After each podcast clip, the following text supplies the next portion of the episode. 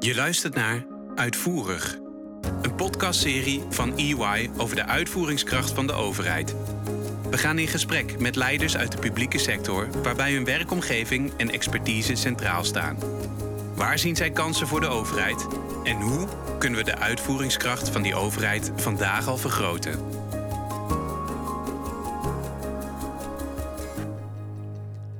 Welkom. In deze aflevering gaan we het hebben over Stichting Open Nederland, ook wel bekend van het hele testen voor toegang gebeuren tijdens corona. Los van de vraag of je iets vond van het verplichte testen, dat liep als een trein. Iedereen die dat wilde kon snel getest worden, ontving de uitslag op zijn telefoon en kon op pad. Echt een voorbeeld dus van een voortvarende dienstverlening door de overheid. Welke lessen kunnen we daaruit trekken over uitvoeringskracht van de overheid? Daarover gaat EY-expert Erik Vermeulen in gesprek met Pier Eringa. Hij is voorzitter van de Raad van Bestuur van het Gelder Ziekenhuis en nog veel meer. We stellen hem even aan u voor. Pier Eringa heeft een imposante carrière opgebouwd in het publieke domein. Van verschillende directiefuncties bij de politie en de NS tot gemeentesecretaris en later onder andere president-directeur bij ProRail. Ook binnen ziekenhuizen heeft hij zijn sporen verdiend als bestuurder en toezichthouder. Op dit moment is hij voorzitter van de Raad van Bestuur van Gelre Ziekenhuizen. Ja, welkom Pier. Nou, kom er maar eens om. Politie, spoor, ziekenhuis. Welke hoek van de maatschappij heb jij niet gezien? Nou, het zit, het, het zit wel allemaal in, uh, in het publieke domein. Dit is duidelijk het dus publieke domein. Ja, Ja, publiek domein. Hè? Dus ik, ik heb niet gezeten in een super commerciële omgeving. Nee, maar welke hoek van het publieke domein heb jij niet gezien? Is er nog ergens een blinde vlek? Ja, onderwijs heb ik nog niet gedaan. Uh, Oké. Is ook een spannende hoek. Hè? Ja. Uh, en, en er zijn nog wel een paar domeinen waar ik nog niet ben geweest. Waarvan ik ook niet zeg dat ik dat per se... Dat je daarheen wilt. Het is geen sollicitatie. Nee, Nee. nee, nee. Ehm, al, als kinderen van jou, of als vrienden van jouw kinderen aan jou vragen: wat doet je vader? Wat, wat zeggen zij dan?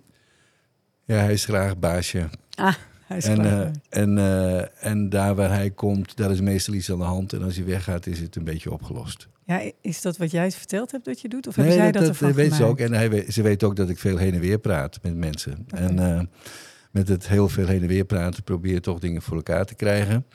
En ze zullen ook zeggen, eh, hij vindt het leuk om problemen aan te vallen. Dat is ook wat ze letterlijk eh, tegen me zeiden. Van, eh, goh papa, we zien wel dat jij eigenlijk het leuk vindt om problemen aan te vallen. En dat Ja, is ook aan te ik- vallen ook. Ja, Niet aan te pakken, Nee, aan te vallen. aanvallen. Ja, op terug. Er, er recht op af.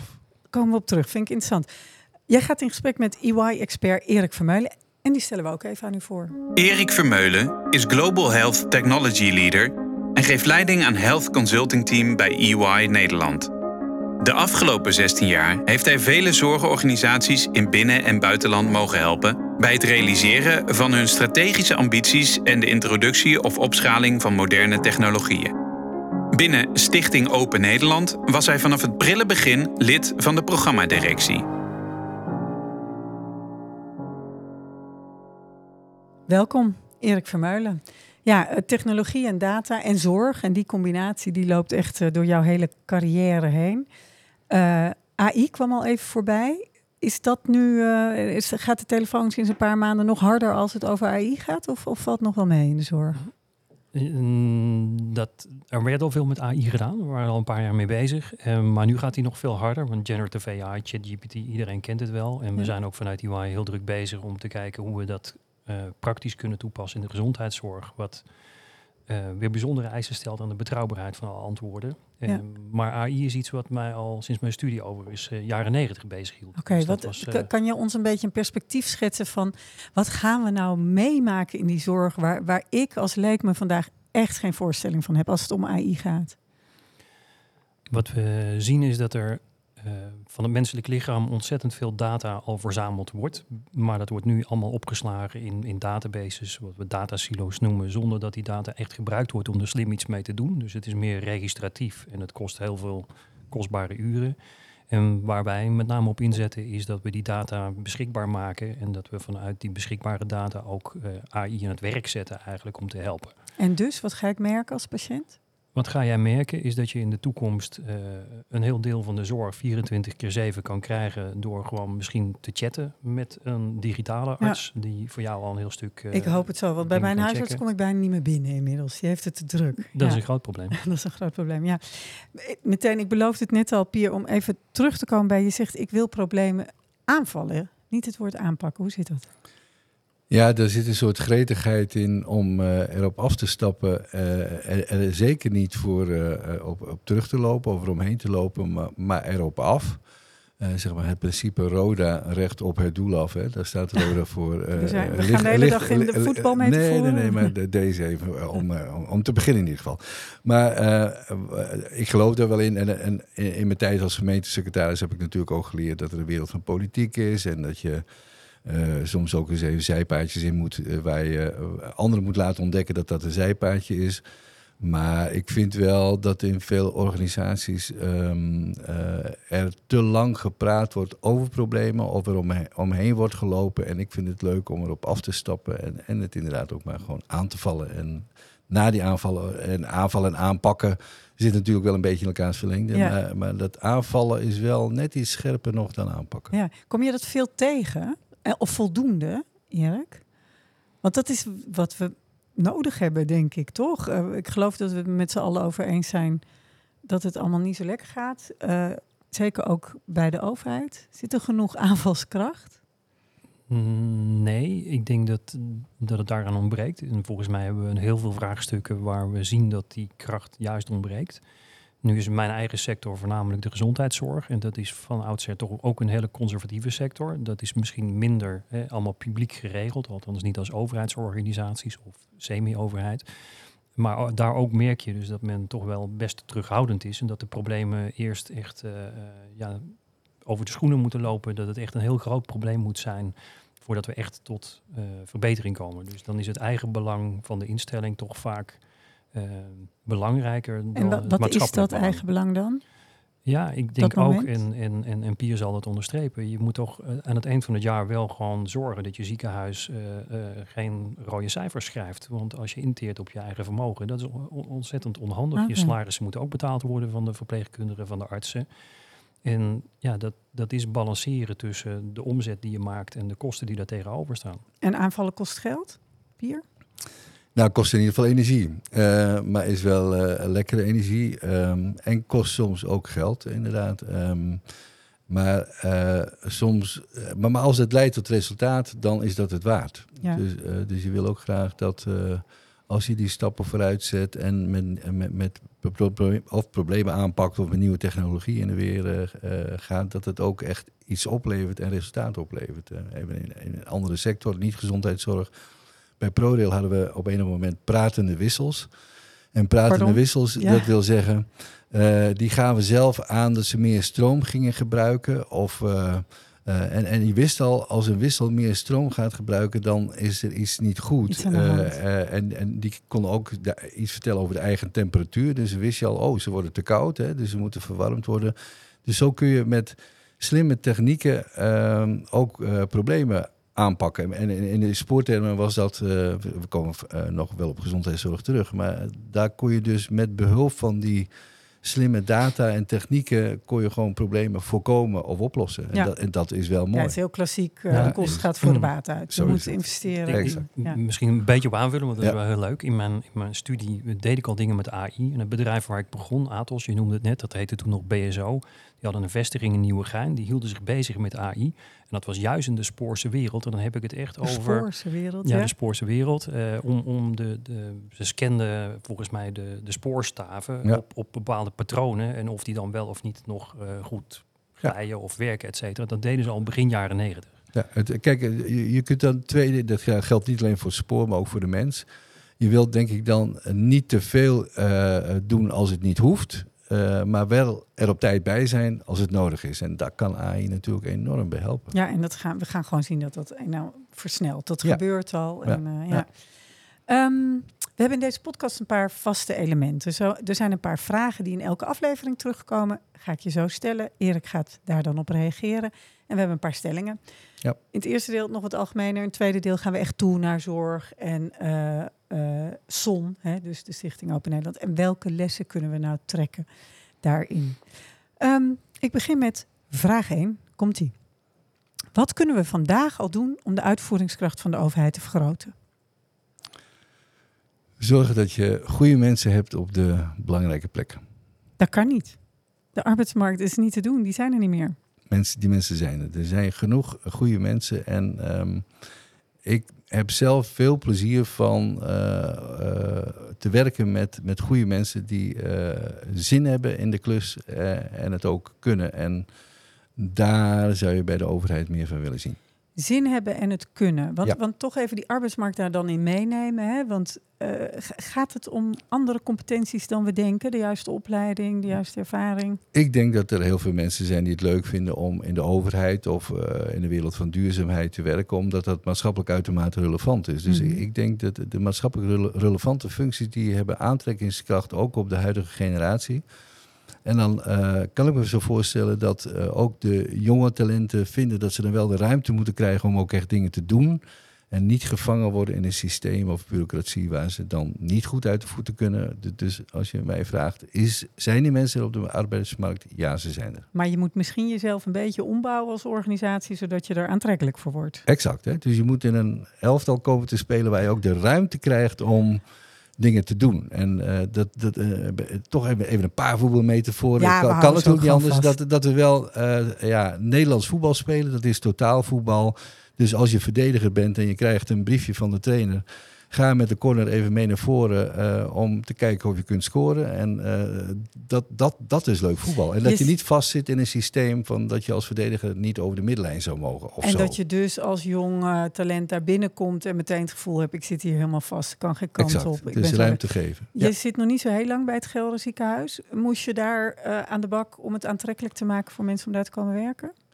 Nou, de zorg uh, kan heel veel mensen gebruiken. Dus sowieso ja. uh, komen we vaak mensen tekort. Um, uh, en met name op de wat specialistische afdelingen is het in de zorg heel lastig op IC, spoedeisende hulp, maar ook andere specialistische functies. Daar is het nog niet zo makkelijk om genoeg goede mensen te krijgen. Er zijn gewoon te weinig en de vraag is te groot. Ja. EY, als consultant kom je binnen bij organisaties. Er moet van alles gebeuren om, om de organisatie te verbeteren. Dat kan personeel zijn, cultuur, IT. Uh, hoe, hoe, belangrijk is personeel meestal als je ergens binnenkomt en hoe lastig is dat? Ik denk bij iedere verandering dat uiteindelijk de mens centraal staat. Dus waar we heel erg naar kijken is hoe gaan we zorgen dat het gedrag in de operatie uiteindelijk zich aanpast aan een slimmer proces. En pak bijvoorbeeld, het werd IC uh, genoemd als voorbeeld.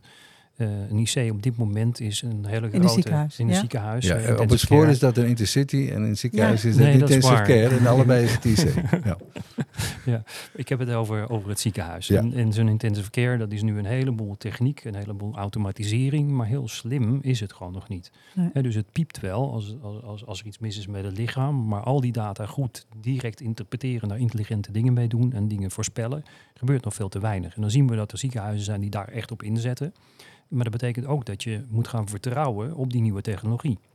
Dus bijvoorbeeld een, een stille IC waar niet allemaal piepjes uitkomen. Die piepjes zijn ontwikkeld omdat die technologie een, een gehoording Ja, af moet die geven. is gericht op Zodat mensen. iemand er, die is gericht op mensen. Hè? Dan moet je op Ja, gaan maar- lopen. Maar dit is de oefening voor beginners, hè? Want de oefening voor gevorderden is dat jij met je AI ervoor zorgt dat mensen niet op de IC hoeven komen.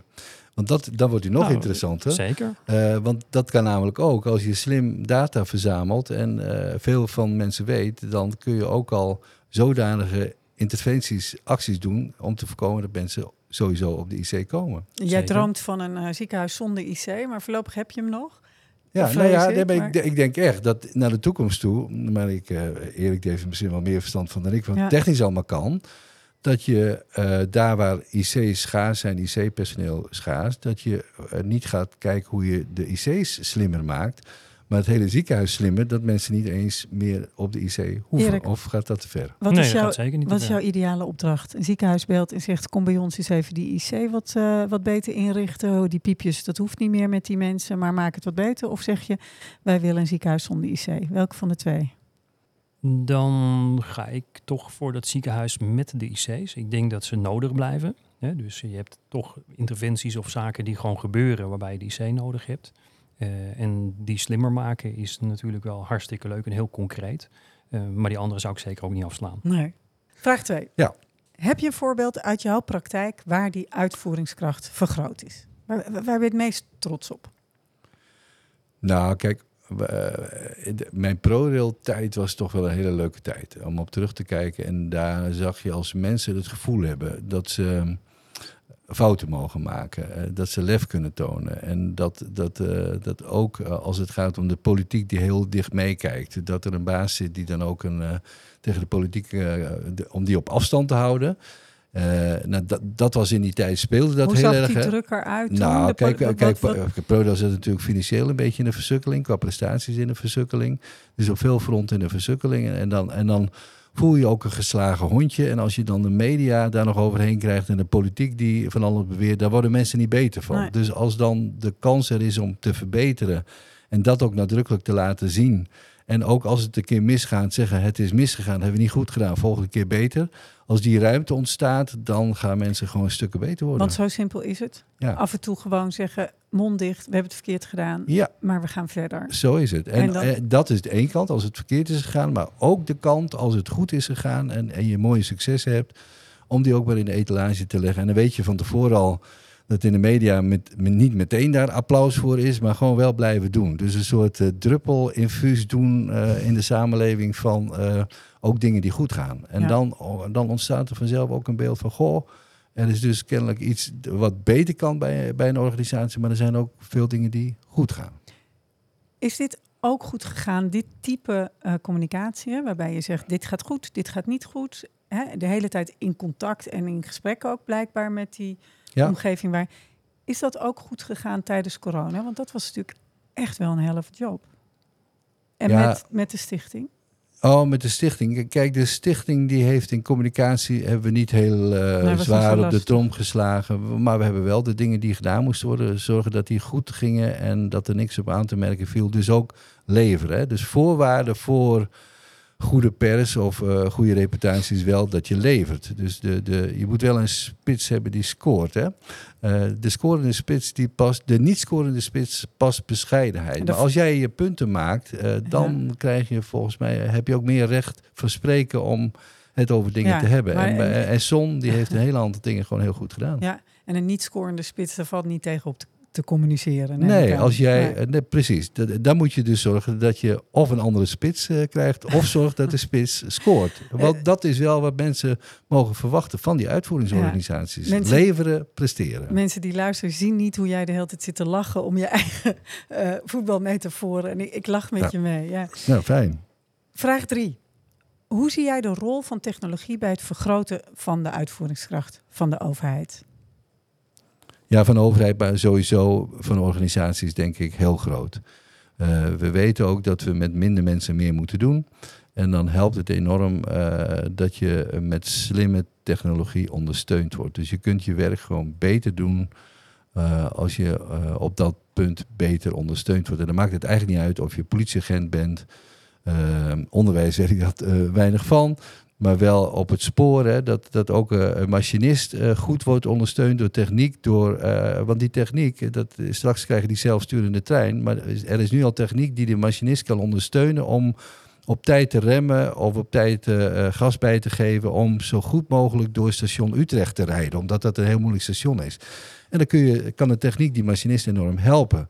En dat geldt ook in ziekenhuizen voor een dokter. ehm, dat je techniek jou helpt en dat data jou helpen om slimmer en beter met patiënten om te gaan. Ja, nou ja, dat is helemaal jouw vak, Erik. Ehm, hoe belangrijk is dat? Ook weer toch even, we zeiden net, hoe belangrijk is personeel om het allemaal zo te organiseren dat het goed gaat? Van alle dingen, alle knoppen waar je aan kan draaien, cultuur, personeel, IT, governance. Hoe belangrijk is technologie? Technologie is belangrijk, maar data is nog belangrijker. Dus wat wij zien is dat eh, de toegang tot de data en de semantiek in de gezondheidszorg echt een hele grote uitdaging is. Dus er wordt wel veel data verzameld, maar er wordt bijna geen data gebruikt. Ja. En dat is echt een heel groot probleem. En, en met relatief eenvoudige technologie kan je al zorgen dat je toch semantisch met elkaar hetzelfde spreekt. Vroeger, op de opleiding, eh, spraken ze Latijn. Hè, want waarom was Latijn gekozen als een soort eh, lingua franca, als een soort universele taal om een gezondheidsvraagstuk te adresseren? En dat zijn we eigenlijk een beetje kwijtgeraakt. Dus in de technologie hebben we opeens allerlei systemen door leveranciers ontwikkeld gekregen die de data wel ergens opslaan, maar die data wordt heel arbitrair opgeslagen en, en, en, en heel verschillende taaltjes, allemaal technische taaltjes, wordt dat allemaal vastgelegd. En dan kan je het niet meer gebruiken. Dus het is niet meer- eh, eh, maar, en dan is in het publieke domein komt er nog een handicap bij. Eh, dat zijn toch ook wel een beetje de privacy-radicalisten die je soms hebt. Hè, die gewoon zo voorzichtig zijn in het delen van, van die data. En, en, en het delen van data binnen de organisatie is van belang. Maar je zou ook willen dat tussen organisaties veel meer gedeeld kan worden... om veel betere resultaten te kunnen krijgen. In de vorige aflevering hebben we het ook gehad over, ja, moet je, wordt, wordt er niet vaak, te vaak gezegd, ja, ja, het kan niet, het mag niet, want privacy. Jij zegt ook, de radicalisten, verschuilen uitvoeringsorganisaties zich te veel achter wetgeving of... Nou, eh, ik weet niet of het verschuilen is. Het is ook wel iets van een realiteit. Ehm, dus de autoriteit eh, persoonsgegevens enorm van belang. En ik vind ook dat we eh, voorzichtig moeten zijn en, ni- niet te onvoorzichtig. Maar, maar je zou wel willen, als het gaat om veiligheid, gezondheid, zeg maar hele belangrijke zaken voor mensen in de samenleving, dat, dat je toch gaat kijken of organisaties die hetzelfde doel nastreven, Ja. namelijk veiligheid in de samenleving of gezondheid bij patiënten, dat daar toch dingen makkelijker zouden kunnen dan dat nu kan. Oké. Ik meende bij jou ook te horen, Erik, dat je zei al die taaltjes en dat we, de, de- hè, we hebben, verzamelen het wel, maar het praat niet met elkaar of we, doen er te weinig mee. Maar zei je nou, het kan relatief eenvoudig opgelost worden? Nou, de technologie die je nodig hebt om die data beschikbaar te maken, die is er gewoon. En met elkaar afspraken maken over de semantiek, dat kan je met elkaar ook gewoon doen. En dat Ja. wordt internationaal ook gedaan. Alleen we hebben in Nederland een situatie waarin we eh, een landschap hebben met software die gemaakt is, vaak ooit begonnen in de jaren 80, 90, en die we nog steeds gebruiken, die dominant zijn. Eh, en die praten niet met elkaar. Nee. En daar denk ik dat we echt heel snel goede stappen kunnen maken als we een voorbeeld nemen aan andere landen. En, want heb je het dan nu over data binnen een organisatie die daar nog niet, of ook tussen organisaties, bijvoorbeeld Beide. zorginstellingen? Beide. Oké. Ehm, we gaan het een beetje meer toespitsen op welke lessen kunnen we nou leren hè, van Stichting Open Nederland en het testen voor toegang en misschien ook meer op de zorg.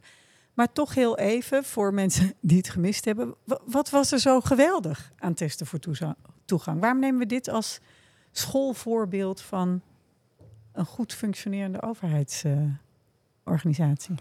Nou, Erik, jij was iets meer bij het begin betrokken. Hè? Ik ben iets later ingestapt. Misschien dat jij iets kort iets kunt vertellen. Zal ik jouw rol dan maar overnemen als vragensteller? Is dat wat? Of Ga je eh, gang, gaat het ja. dan helemaal mis in deze podcast? Eh, maar jij was eh, in ieder geval bij het begin en ik ben iets later ingestapt. Eh, maar er was volgens mij een situatie waar er iets urgents speelde. Ja, we gaan niet het hele college, wat hebben jullie allemaal gedaan? Wat was er zo geweldig? Wat er geweldig was, is dat wij eh, een infrastructuur in Nederland neergezet hebben. waarbij iedere burger binnen een kwartier een test kon afnemen. Moet je je voorstellen, dat hebben we destijds toen we begonnen. en dat was onder Tom Middendorp eh, op dat moment.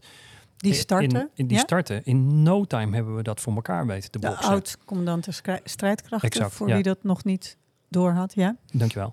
En ehm dat moet je een beetje vergelijken. En zo hebben we het ook wel eens uitgelegd. Dat eh, eh, eh, als je zou zeggen van regel nu even binnen twee maanden dat iedereen overal op een bus kan stappen of op een trein kan stappen binnen een kwartier.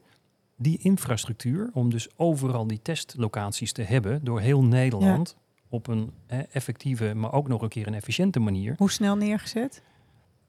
Het is te lang geleden om de exacte Ja, maar het was cijfers, echt heel maar snel, heel snel. Ik Dus we hadden al heel snel daarover Interland en in no kwestie van een paar, kwestie Ja. van een paar maanden. Ja. Ja. En nu is eh, testinfrastructuur net iets eenvoudiger dan spoorinfrastructuur. Nou, weet ik maar ervaring. Maar, Maar toch, bussen, bussen toch wel, hè? maar, Dus- maar bussen toch wel, want er ligt wel overal asfalt.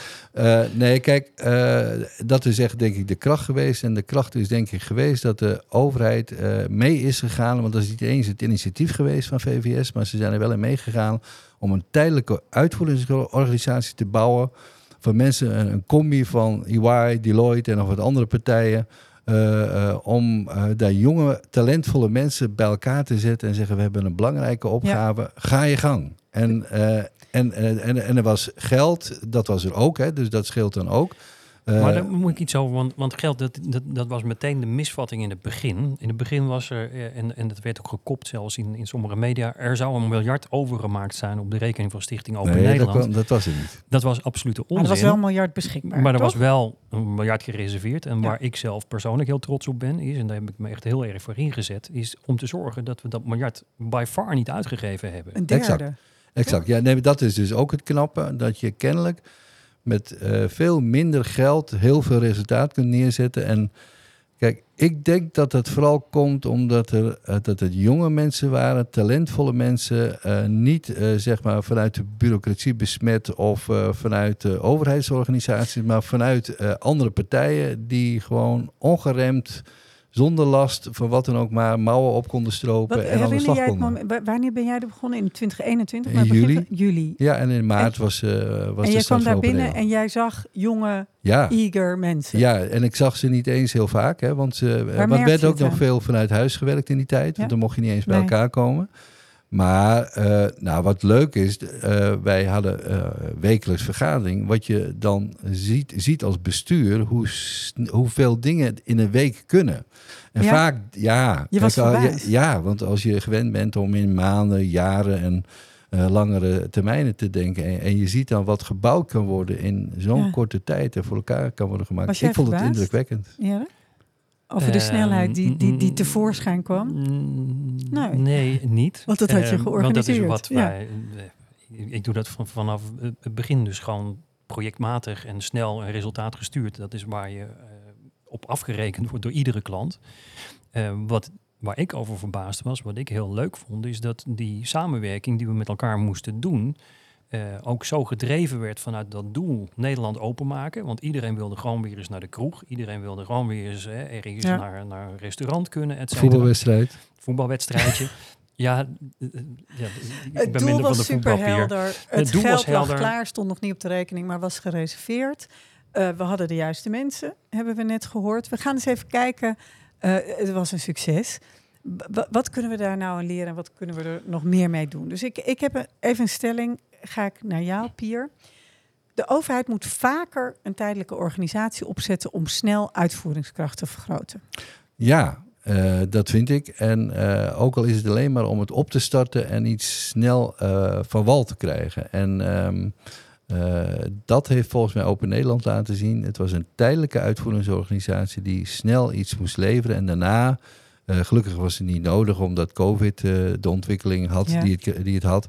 Daarna draag je het dan over op een dienst testen of op een bestaande of nieuwe dienst van de overheid. Dat kan dan in tweede instantie, want je zou kunnen zeggen had deze taak nou altijd voor eeuwig bij eh, een privaat initiatief of bij, bij, bij eh, commerciële partijen moeten liggen? Nee, maar in de opstart eh, kan hij heel erg van belang zijn. En hij kan ook van belang zijn volgens mij waar in, bij de overheid dingen zijn vastgelopen. Bijvoorbeeld het Groningen-vraagstuk of het eh, de jeugdzorgvraagstuk. Ah, maar Nou, noem je daar, daar jeuken, daar jeuken eh, eh, mijn handen of mijn vingers. Ik weet niet wat jeukt, maar het jeukt in ieder geval om daar met een zonachtige constructie aan de slag te gaan. En te zeggen, beste mensen, we gaan eens even weer opnieuw beginnen Dus en die- nu aan de bak. Dat beeld wat we nu hebben, hè, het is zo ingewikkeld, toeslagen in Groningen, want hè, iedereen moet op de gelijke wijze behandeld worden en dat vinden we en, en we komen er niet uit. Ja, zegt, kijk, dat en ik is denk, onzin, dat kan. Als we, Het kan. En, en dat kan ook als je een uitvoeringsorganisatie hebt als overheid die net iets op afstand zet.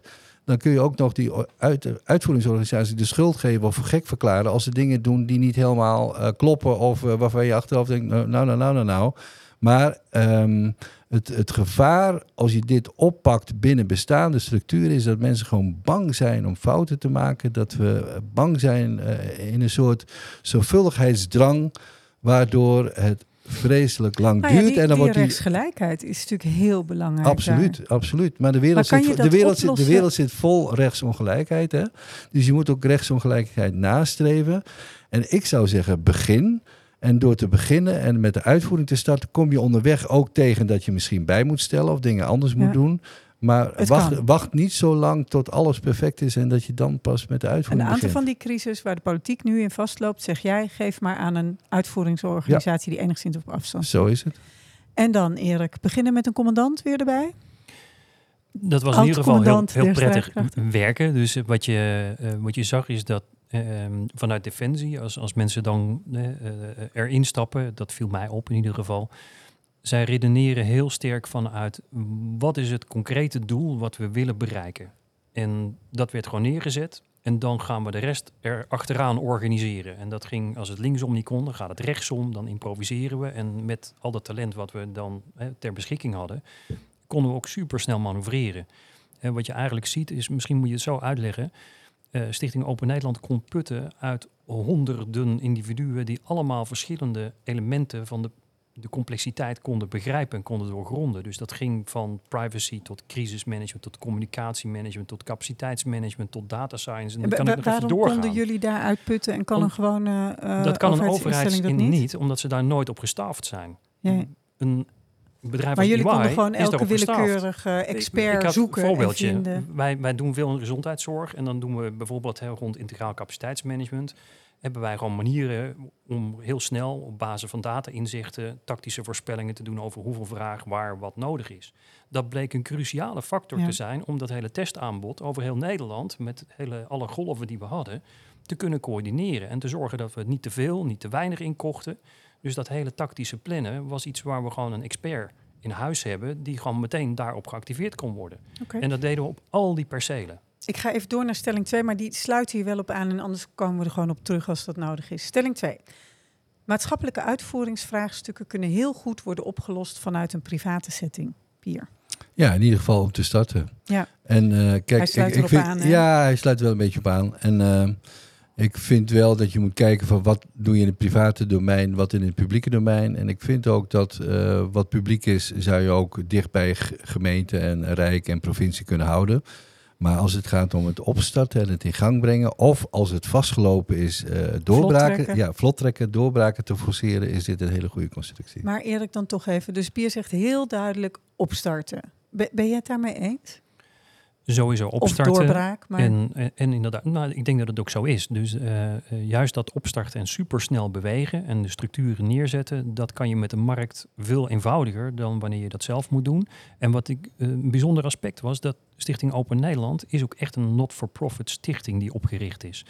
Met een controleerbare eh, boekhouding, Ja. met een controleer, gecontroleerd bestuur. en met eh, private partners. wel met private partners Ja. waarmee gewerkt werd, maar het was echt een onafhankelijke stichting. Met een not- not-for-profit die heel duidelijk die maatschappelijke relevantie eh, in, in haar statuut ook had verankerd. Dus die rechtsvorm, En die is wel super Die was cruciaal, want wat je zag is dat het testlandschap in bredere zin, en ik, ik, we hebben heel veel fijn en prettig samengewerkt met allerlei testaanbieders.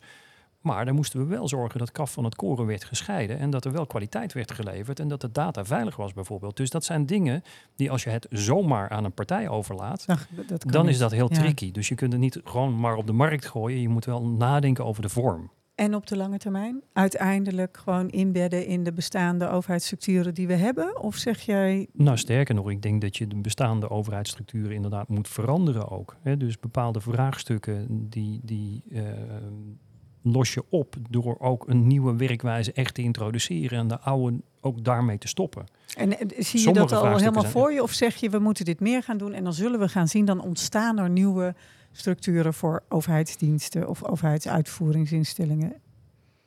Ja, het is niet alleen de structuren die, eh, die je wil veranderen, maar vooral ook de cultuur. Hè? Dus dat, dat, je, dat er meer een cultuur komt van snelheid, eh, resultaat halen en eh, minder letten op gedrag, vlijt en netheid en meer op rekenen en taal. Pardon, die ging te snel. Eh, meer nou ja, letten op. Nou ja, bij de overheid en veel organisaties gaat het, vind ik, te vaak over gedrag, vlijt en netheid. En dat, waren ook een, dat was ook een belangrijk eh, blokje in mijn schoolrapport. Vroeger haalde ik nooit hele hoge cijfers op. Maar uiteindelijk gaat het natuurlijk om rekenen en taal. En eh, daarmee bedoel ik de doelgerichtheid. Wat is het vraagstuk wat moet worden opgelost? En dat is meer, zou je kunnen zeggen, inhoud. Hè? Als je dan toch even een organisatieterm tegenaan moet. Meer de inhoud centraal en minder het proces. En vaak gaat het, eh, het gaat te vaak over hoe is het gedaan en eh, eh, was het wel zorgvuldig genoeg. En, en, en, en, en die cultuur, daar moeten we een beetje van af. Dus je zou wat meer resultaatvoetbal willen. En ik kan me voorstellen dat als je zo'n nieuwe organisatie opzet, aan het begin bij het opstarten, op een gegeven moment loopt het allemaal, ga je het invoegen in iets bestaans, neem Yes. je ook iets van die cultuur mee. Die zie ik voor me. Maar je komt soms toch ook gewoon in bestaande organisaties waar die cultuur misschien niet helemaal is zoals je hem zou willen. Wa- waar begin je als je dat wil aanpassen? Bij jezelf.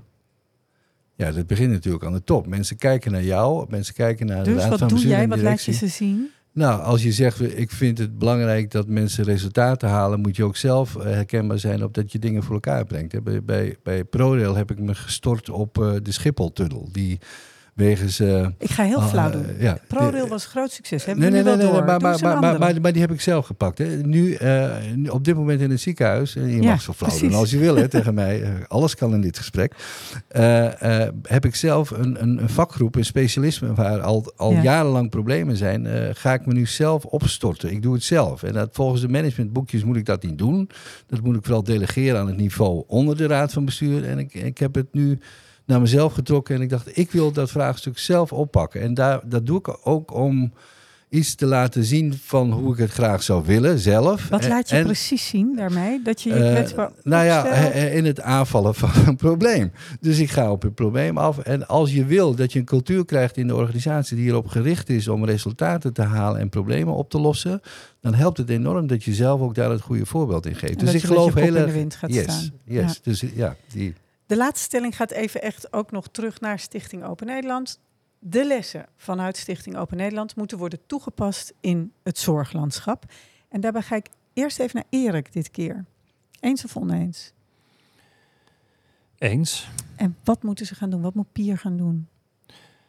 Ik denk dat we vast zijn gelopen in het zorglandschap. Dus dat de kleine, relatief overzichtelijke belangen van de individuele instellingen en alle drempels die wet en regelgeving ogenschijnlijk hebben gecreëerd, overbrugd kunnen worden op het moment dat je daar echt een centraal transformatieprogramma opzet, maar wel een transformatieprogramma wat je doet op de wijze waarop een, bijvoorbeeld een zon dat gedaan heeft. Op welk niveau heb je het dan nu over? Eh, wa- Waar, in het, waar moet dat transformatieprogramma op gericht zijn? Voor mij moet dat transformatieprogramma erop gericht zijn dat we de juiste zorg op de juiste plek krijgen tegen een, een, Dus een veel zorgbreed, beter- het hele landschap. Het hele landschap. We hebben daar een ligt, zorgakkoord. dat ligt er ook, maar die uitvoering dat gaat eh, denk ik heel lastig worden. Dus als ik nu kijk naar de voorbodes, we verdiepen ons daar helemaal in. Eh, de plannen die er liggen zijn niet de plannen zoals wij ze zouden schrijven. Jij zegt, zet er maar zo'n crisisorganisatie op. En dat noemen we dan geen crisisorganisatie. Hoe noemen we het? Nou, daar heb ik nog geen naam voor. Daar kom ik straks op terug. Nou, dat kan een of veranderorganisatie of verbeterorganisatie of een doorbraakorganisatie. Dat soort termen kun je er denk ik eh, op plakken. Maar waar je denk ik op doelt is van je hebt op enig moment een ideaal hoe het, hoe het in de zorg beter zou kunnen. En voor je het weet verzandt dat toch weer in bureaucratie en ingewikkeldheden. Waardoor toch niet snel genoeg gebeurt wat je wilt dat er graag gebeurt in de zorg. Bij Zon hadden we iedere week die terugkoppellussen. Hè? En alle teams hadden daily stand-ups. Wij gingen gewoon, we pakten het aan, we losten die problemen op. En, je, en, en, en, en problemen verdwenen als sneeuw voor de zon. En heel veel vraagstukken in de gezondheidszorg zijn gek genoeg niet zo complex als ze misschien wel lijken. Maar we hebben dus niet een structuur met elkaar bedacht om dat tempo te pakken, om elkaar vast te houden en om al die expertise die er wel degelijk is, Ja. om die los te krijgen en, en de eigen belangetjes een klein beetje aan de kant te zetten en een cultuur van samenwerking te bereiken. Dat is heel moeilijk, denken we, maar ik denk dat het kan als je dus een echt een transformatie-doorbraakprogramma, een doorbraak vind ik een goede term daarvoor, vanuit landelijk niveau neer zou zetten. Mooi om mee af te sluiten. Een transformatie-doorbraakprogramma met bijbehorende structuur. Nou, we- misschien kunnen we er een wedstrijd uitschrijven voor nog een mooier woord. Eh, maar daarmee proef ik hier aan tafel kunnen eigenlijk alle problemen opgelost eh, worden. Die neem ik mee naar huis. Erik, wat neem jij mee naar huis? Ga je even over nadenken. Pier, wat neem jij mee naar huis?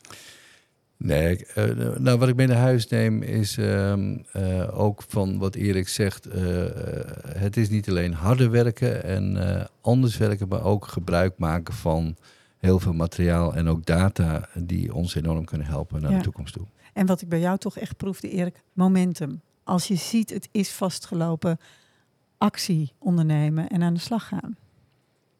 En een structuur waarmee je tempo kan maken. Dat is denk ik wat we bij Son hebben laten zien. Dat je echt een, een hele e- effectieve structuur neer kan zetten die gebaseerd is op hoe gewoon in, in de industrie in brede zin best practices inmiddels al gewoon draaien. En dat is niet meer de oude vergadercultuur, dat is niet meer de oude cultuur van, van nota's met opleggers en dat soort flauwekul. Eh, nee, dat is gewoon doorpakken, resultaat halen. En ook accepteren dat het soms hè, een foutje gemaakt wordt. Maar dan zeg je van ja, maar we hebben 80% van het resultaat gehaald. En we hebben helaas ook wat foutjes gemaakt. Maar anders had je 0% resultaat gehad. Dan was het eigenlijk helemaal fout geweest, maar dan word je niet op afgerekend. Want we hebben tenminste niks gedaan. Helder. 80% is plus 80 en niet min 20. Kijk, daar eindigen we mee. Mag ik jullie heel hartelijk bedanken. Pier Eringa, Erik Vermeulen en u, luisteraar, heel veel dank voor het luisteren. Tot de volgende keer.